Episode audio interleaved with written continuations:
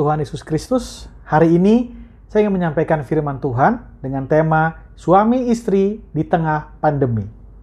Saudaraku yang dikasih oleh Tuhan, di tengah pandemi seperti sekarang ini yang sama-sama kita hadapi, saya banyak mendengar, membaca, melihat betapa pandemi ini secara luar biasa menggesek, merubah, dan membuat banyak sekali goncangan-goncangan di tengah uh, keluarga, terutama suami dan istri.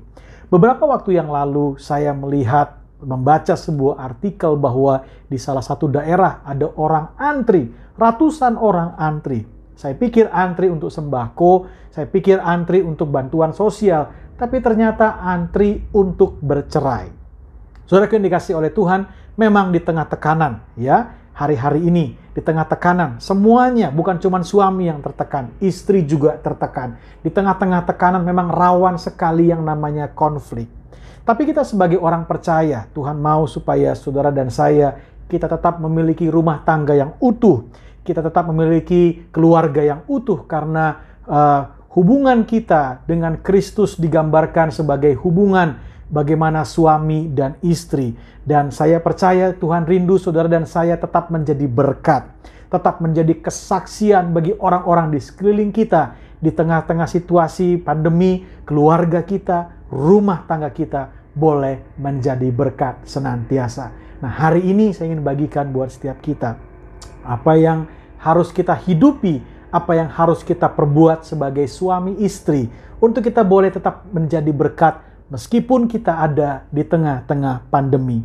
Nah, saudara, tidak lain kalau kita bicara soal hubungan, kita bicara soal relationship, maka saya ingin mengajak saudara untuk membuka dan mengingat kembali tentang kasih itu sendiri. Mari kita lihat sama-sama firman Tuhan dalam 1 Korintus pasal yang ke-13, ayatnya yang keempat sampai dengan ayatnya yang ke-8. Sekali lagi, 1 Korintus pasalnya yang ke-13, ayatnya yang keempat sampai dengan ayatnya yang ke-8. Sekali lagi, 1 Korintus pasal 13 ayatnya yang keempat sampai dengan ayatnya yang ke-8. Demikian firman Tuhan. Kasih itu sabar, kasih itu murah hati.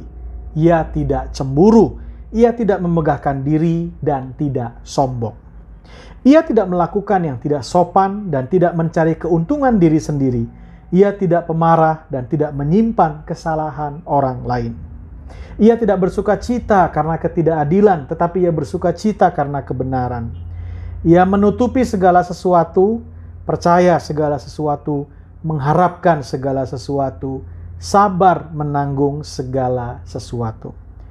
Kasih tidak berkesudahan, nubuat akan berakhir, bahasa roh akan berhenti, pengetahuan akan lenyap. Saudara, di waktu yang singkat ini, saya ingin membahas firman Tuhan ini highlightnya itu ada di ayatnya yang ketujuh. Kita bisa lihat sama-sama ayat yang ketujuh dikatakan ia menutupi segala sesuatu. Percaya segala sesuatu. Mengharapkan segala sesuatu. Sabar menanggung segala sesuatu. Apa yang kita bisa terapkan dalam kehidupan rumah tangga kita di tengah situasi pandemi pada hari-hari ini. Kita lihat sama-sama bagaimana uh, empat hal ini kita bisa terapkan dalam kehidupan kita. Kita lihat yang pertama di situ dikatakan menutupi segala sesuatu. Ya, dalam kehidupan kita sebagai orang percaya, kehidupan suami istri, orang-anak yang mengenal Tuhan, kita menerapkan kasih di dalamnya dan kasih itu menutupi segala sesuatu. Lawan daripada menutupi adalah membuka ya mengungkit atau juga menyebarkan. Nah, sering kali terjadi konflik yang begitu hebat dalam rumah tangga sehingga terjadi saling menyakiti ya, bukan lagi saling membangun tapi saling menyakiti. Nah, kata-kata yang saling menyakiti ini tidak jarang di dalamnya ada cerita-cerita masa lalu, ada kesalahan-kesalahan masa lalu, ada perbuatan-perbuatan masa lalu yang dibuka kembali, diingat kembali, diledakkan kembali. Dan itu yang membuat sering kali pasangan demi pasangan, suami istri pada akhirnya bukan lagi saling menguatkan, tapi justru saling menyakiti satu dengan yang lain di dalam konflik yang mereka hadapi. Tapi hari ini firman Tuhan mengajar kita. Kita mengingat sama-sama yuk bahwa kasih itu menutupi segala sesuatu.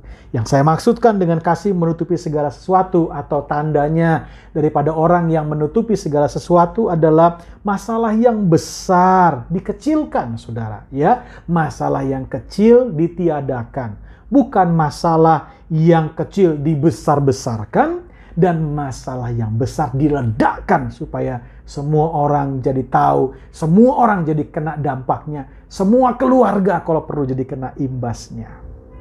Nah, hari ini kita belajar di tengah pandemi tahan diri kita. Sabar. Ya, kasih itu sabar. Tadi Alkitab sudah menjelaskan firman Tuhan tadi kita baca, kasih itu sabar. Sabar, Saudara. Bahkan uh, menutupi segala sesuatu.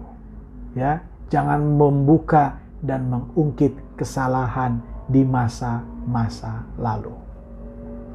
Yang kedua, bagaimana kita terus bisa memelihara ya kehangatan rumah tangga kita di tengah pandemi.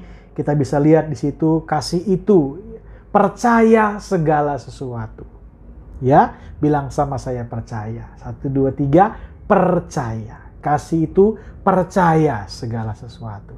Tahukah saudara, lawan daripada percaya adalah curiga. Nah ini, Orang tuh kalau udah tidak percaya, maka dia akan cenderung curiga, saudara. Ya, curiga. Lihat suaminya WhatsAppan, curiga. Lihat istrinya teleponan, curiga. Lihat istrinya uh, apalagi ya mengerjakan hal-hal yang lain curiga dan lain sebagainya dan lain sebagainya. Apa pun yang dibuat oleh pasangan kita, kita sering kali jadi curiga. Nah, hari ini firman Tuhan mengajar kita untuk kita percaya Nah, saudara rindu bukan cuma kita yang uh, mendorong pasangan kita untuk kita bisa percaya, tapi kita juga harus membangun hidup kita untuk kita bisa dipercaya oleh pasangan kita. Caranya sederhana, orang sering kali jadi nggak percaya sama kita.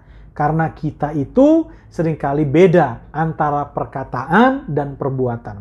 Oleh karena itu, sinkronkan sekarang perkataan dan perbuatan kita apa yang kita katakan, apa yang kita perbuat itu sama sehingga orang lain bisa terus percaya sama kita. Pasangan kita percaya sama kita, orang-orang di sekeliling kita percaya sama kita sehingga mereka tidak perlu curiga sama kehidupan setiap kita. Lakukan tanggung jawab kita dengan penuh kepercayaan. Suami dan istri, ayo pupuk lagi kepercayaan itu ya. Kalau ada di antara kita yang mulai hilang kepercayaannya, sekarang pupuk lagi, bangun lagi sama-sama untuk bisa dipercaya satu dengan yang lain. Dipercaya dalam banyak hal, dipercaya dalam keuangan, dipercaya dalam mengelola rumah tangga, dalam bekerja, dalam menafkahi, dalam berjanji, apa pun juga yang diberikan tanggung jawab kepada kita, kita selesaikan dengan baik sehingga suami kita, istri kita atau pasangan kita bisa tetap percaya kepada kita. Yang ketiga, firman Tuhan mengajar kita kasih itu mengharapkan segala sesuatu, ya. Melawan daripada mengharapkan adalah menuntut. Nah, ini dia. Ya, lawan daripada mengharapkan adalah menuntut. Kita memang hari-hari ini di tengah-tengah masa sulit, kita mengharapkan bahwa semua ini segera berakhir. Kita mengharapkan bahwa keuangan kita baik-baik saja. Tapi kalau kita lepas kendali daripada mengharapkan, kita mulai menuntut pasangan kita, kita mulai menuntut uh, suami kita, menuntut istri kita untuk berbuat A, berbuat B, berbuat C seperti yang kita mau. Nah, ini ini dia. Di mana ada tuntutan yang begitu kuat, di mana ada tuntutan yang begitu keras, sering kali di tempat itulah terjadi rawan yang namanya sebuah konflik yang besar yang terjadi di dalam rumah tangga, yang terjadi di dalam setiap rumah tangga. Yuk hari ini biarlah kita sebatas ini, sebatas mengharapkan. Karena saya percaya Tuhanlah yang menentukan segala sesuatu. Kita berharap suami kita berubah. Kita berharap anak-anak kita berubah. Kita berharap istri kita berubah. Kita mohon kepada Tuhan situasi dan kondisi ini. Kita berharap semua bisa berubah. Semua bisa kembali kepada situasi dan kondisi yang Tuhan kehendaki dalam kehidupan setiap kita. Jangan terlalu banyak menuntut Seringkali di tengah masa sulit, mungkin suami kita dipotong gajinya, lalu kita menuntut baik bagaimanapun juga kamu harus cari tambahan, kamu harus cari ini, kamu harus cari itu. Bagaimana kita bisa hidup dan lain sebagainya. Akhirnya keluar rumah kata-kata yang menyesakkan buat suami dan akhirnya terjadi konflik yang besar. Demikian juga sebaliknya. Suami menuntut istri mengajar anak dengan baik di tengah situasi yang semua harus uh, belajar secara online. Bikin ini, bikin ini, kamu harus begini, kamu harus begitu, dan lain sebagainya. Sehingga numpuk semua di istri. Dan akhirnya sebut terjadi sebuah konflik yang besar. Kenapa nggak ambil keputusan untuk duduk bersama, bergandengan tangan, berdoa bersama-sama, mengharapkan segala sesuatu bisa kembali seperti yang terjadi uh, di masa lampau atau seperti yang Tuhan inginkan ke depan Uh, situasi dan kondisi yang jauh lebih baik dari yang kita alami pada hari ini. Saya yakin dan percaya kalau kita boleh sama-sama mengharapkan segala sesuatu dan kita izinkan Tuhanlah yang menentukan segala sesuatu. Hati kita akan tenang kembali. Ya, hati kita akan tenang kembali. Sehingga waktu ada konflik pun kita bisa mudah berpikir dengan jernih. Sehingga tidak ada lagi yang saling menyakitkan satu dengan yang lain. Tetapi konflik yang terjadi membuat setiap pasangan boleh terbangun lagi kembali, saling mengenal, dan kembali saling menyayangi dengan erat. Yang keempat, yang terakhir, kasih itu sabar menanggung segala sesuatu. Ini dia, yang keempat, ya, bagaimana rumah tangga kita di tengah pandemi, rumah tangga kita di tengah-tengah pandemi, Tuhan mau supaya saudara dan saya tetap sabar dalam menanggung segala sesuatu. Pak, udah 8 bulan nih, udah 9 bulan nih. Tapi Tuhan mau kita sama-sama nih sabar melewati semua ini. Karena saya yakin dan percaya ada hal-hal yang bisa kita tetap pelajari di tengah-tengah situasi pandemi seperti sekarang ini. Coba kita lihat ke dalam diri kita, introspeksi dan lihat Pasti ada di antara kita yang menemukan bahwa di masa pandemi ini kita jadi semakin sabar. Di masa pandemi ini kayaknya kemampuan kita, skill kita meningkat. Di masa pandemi ini kerohanian kita meningkat. Pasti ada yang meningkat, pasti ada hal yang baik yang meningkat di masa-masa pandemi seperti ini. Itu artinya apa pun situasinya kalau kita lewati dalam kesabaran, kita bisa melihat hal yang baik. Kita bisa melihat hal yang positif di dalamnya sabar menanggung segala sesuatu. Sabar berkaitan dengan waktu, dan tentunya bukan waktu kita, tapi waktunya Tuhan. Saudara yang dikasih oleh Tuhan, yuk kita sama-sama terapkan firman Tuhan ini. Empat hal saja, tidak banyak. Kasih itu menutupi segala sesuatu. Ya, jangan diumbar-umbar kesalahan-kesalahan masa lalu, kesalahan-kesalahan pasangan kita. Ya, kasih itu menutupi segala sesuatu. Yang kedua, dia itu uh, percaya segala sesuatu.